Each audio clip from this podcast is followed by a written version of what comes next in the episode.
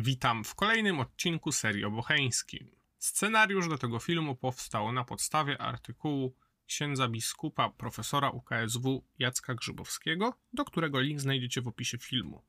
W tekście tym omówione zostało kolejno, jak ojciec Bocheński postrzegał takie kwestie jak społeczeństwo, naród, cywilizacja i władza. Kolejność ta jest nieprzypadkowa, ponieważ od tego, jak definiujemy i kształtujemy życie społeczne, zależy definiowanie kategorii narodu czy cywilizacji. Powiedzmy więc sobie w pierwszej kolejności, skąd w ogóle namysł nad społeczeństwem, a następnie zademonstruję owoce tego namysłu w wykonaniu Bocheńskiego. Człowiek jawi nam się jako istota społeczna. Społeczna w dwóch znaczeniach negatywnym i pozytywnym.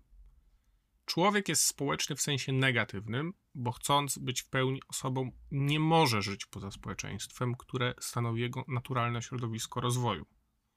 Z kolei jego społeczność w sensie pozytywnym oznacza, że jest ze swojej natury przyporządkowany do społeczeństwa, współżycia i współpracy z innymi ludźmi. Jak to rozumieć? Żeby dziecko przetrwało, musi mieć rodziców, a żeby dorośli przetrwali, muszą współpracować, dzielić się pracą, wiedzą, wspólnie ujarzmiać przyrodę, handlować, przyjaźnić się i kochać. Bez ludzkiej współpracy nie ma też mowy o rozmnażaniu. W związku z tym wszystkim społeczeństwo jawi się jako najważniejsza przestrzeń ludzkiego życia. Ono ujmuje i definiuje zarówno duchowy, jak i materialny wymiar ludzkiej egzystencji.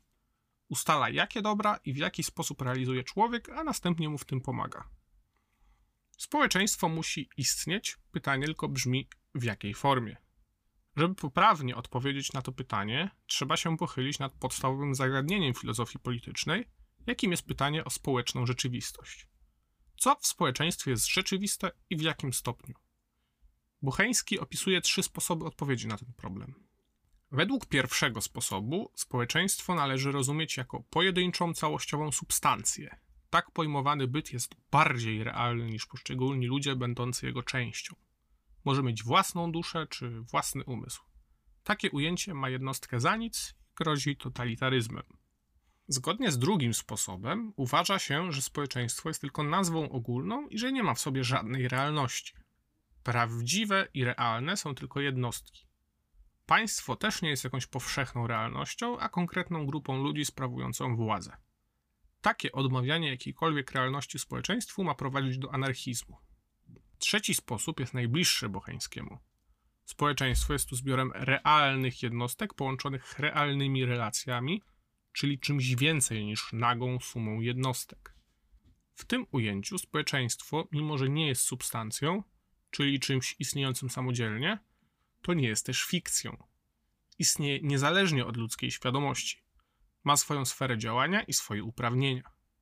Ludzie mogą mieć wobec społeczeństwa zobowiązania, tak jak mają je wobec innych konkretnych ludzi. Tylko takie ujęcie, oparte na tomistycznej teorii relacji, chroni przed grozą totalitaryzmu lub anarchizmu, przekonuje nas Bocheński. Społeczeństwo, chociaż niesubstancjalne, jest realne. Jak więc powinno funkcjonować? Przede wszystkim należy zaznaczyć, że celem społeczeństwa są konkretne osoby ludzkie, a społeczeństwo stanowi środek. Nie można traktować człowieka jako środek, a społeczeństwa jako celu. W związku z tym istnieją dziedziny, w których człowiek wyrasta ponad społeczeństwo i jest od niego niezależny.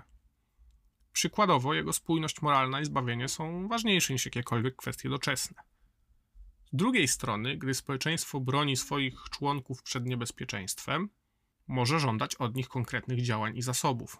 Bocheński sądzi też, że społeczeństwo może ingerować w życie jednostek, gdy realizuje racje dobra wspólnego, takie jak budowa dróg, zakładów pracy czy tworzenie instytucji kulturalnych.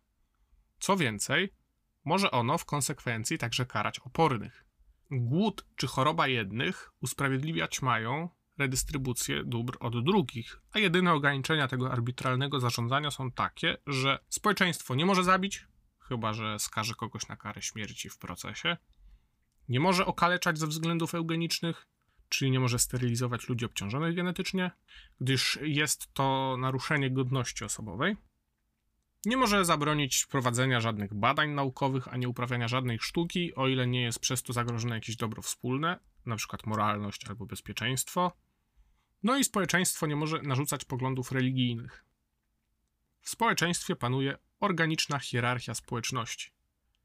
Na najniższym szczeblu panuje rodzina posiadająca naturalną autonomię pod względem swoich celów. Następnie jest naród lub państwo, w zależności od ujęcia, które są uprawnione do regulowania życia swoich członków, ale we wspomnianych wcześniej ramach.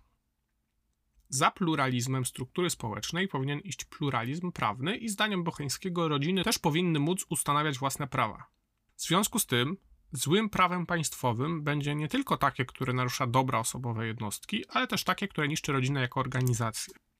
Pluralizm społeczności idzie w parze z faktem, że zarząd rzadkimi dobrami jest najsprawniejszy, gdy pozostawiony jest w rękach poszczególnych ludzi, stąd własność prywatna powinna być jak najbardziej powszechna, ale z drugiej strony nikomu nie powinno brakować niczego do życia, o ile brak ten nie jest z jego winy. Ponadto należy dodać, że głównym sposobem zdobywania środków do życia jest praca, której Bocheński nie postrzega jako towar, ale jako akt osobowy, który nie może być traktowany czysto przedmiotowo, jak rzecz. Pracę należy uważać za wkład osoby do dobra społecznego, a pracownika wynagradzać zgodnie ze wspólnym celem, to jest tak, aby zapewnić mu możliwość życia i rozwoju. Znaczy to, że na przykład ojciec kilkorga dzieci powinien zarabiać więcej od kawalera, nawet jeśli są tak samo produktywni. Wiele szczegółowych sądów Bocheńskiego jest dość kontrowersyjna i być może nie przetrwałaby zderzenia z osiągnięciami nauk społecznych, ale nie sposób zaprzeczyć, że każdy namysł społeczny należałoby zacząć od namysłu metafizycznego. Tak samo jak realnie jesteśmy z naszymi rodzicami w relacji pokrewieństwa, tak samo realnie wchodzimy w relacje z innymi ludźmi i przynajmniej część z tych relacji wymaga uwzględnienia przy tworzeniu ładu społecznego. W dalszej części artykułu, stanowiącego bazę dla tego filmu, jest omówienie poglądów Bocheńskiego na szersze kategorie społeczne, naród i cywilizację, na które już nie starczyło tu miejsca, więc zachęcam do lektury. Na dziś to tyle. Dziękuję za uwagę i do usłyszenia.